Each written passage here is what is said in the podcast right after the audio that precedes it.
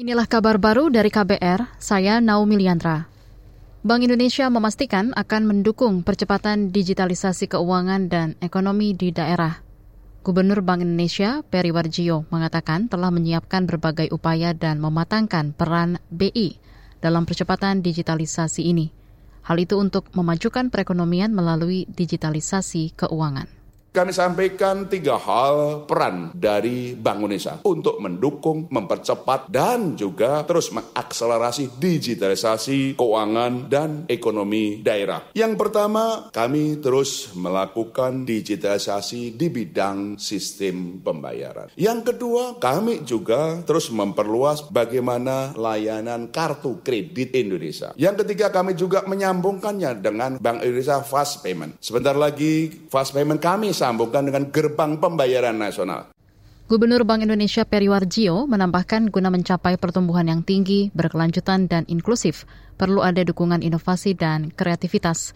Selain itu perlu koordinasi yang erat antara kebijakan bank sentral serta kebijakan fiskal dan reformasi struktural sebagai wujud sinergi, bauran kebijakan nasional untuk Indonesia maju. Kita ke Aceh.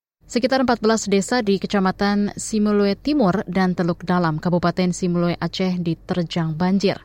Banjir terjadi akibat tingginya intensitas curah hujan yang menyebabkan sungai meluap hingga ke permukiman penduduk.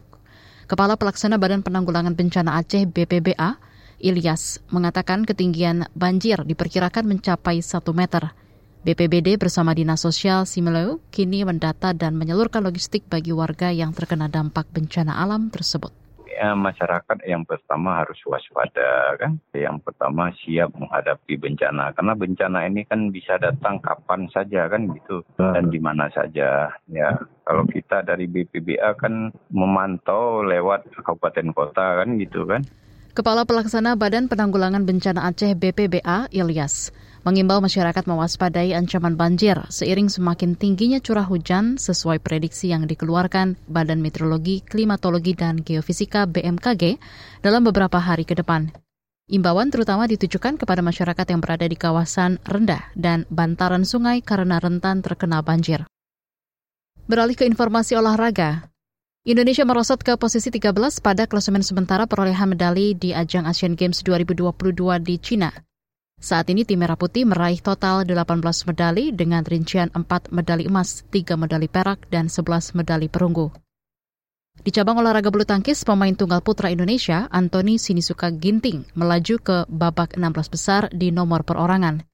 Anthony lolos setelah mengalahkan wakil Taiwan Wang Suwei dalam dua game langsung dengan skor 21-16, 21-11. Hasil ini memperpanjang rekor keunggulan Anthony atas Wang menjadi 8 kali menang, 2 kali kalah. Sementara itu, tuan rumah Cina semakin tak terbendung di puncak klasemen dengan raihan 151 emas, 81 perak, dan 42 perunggu. Disusul Jepang di peringkat kedua dengan perolehan 33 emas, 45 perak, dan 46 perunggu. Demikian kabar baru dari KBR, saya Naomi Liandra.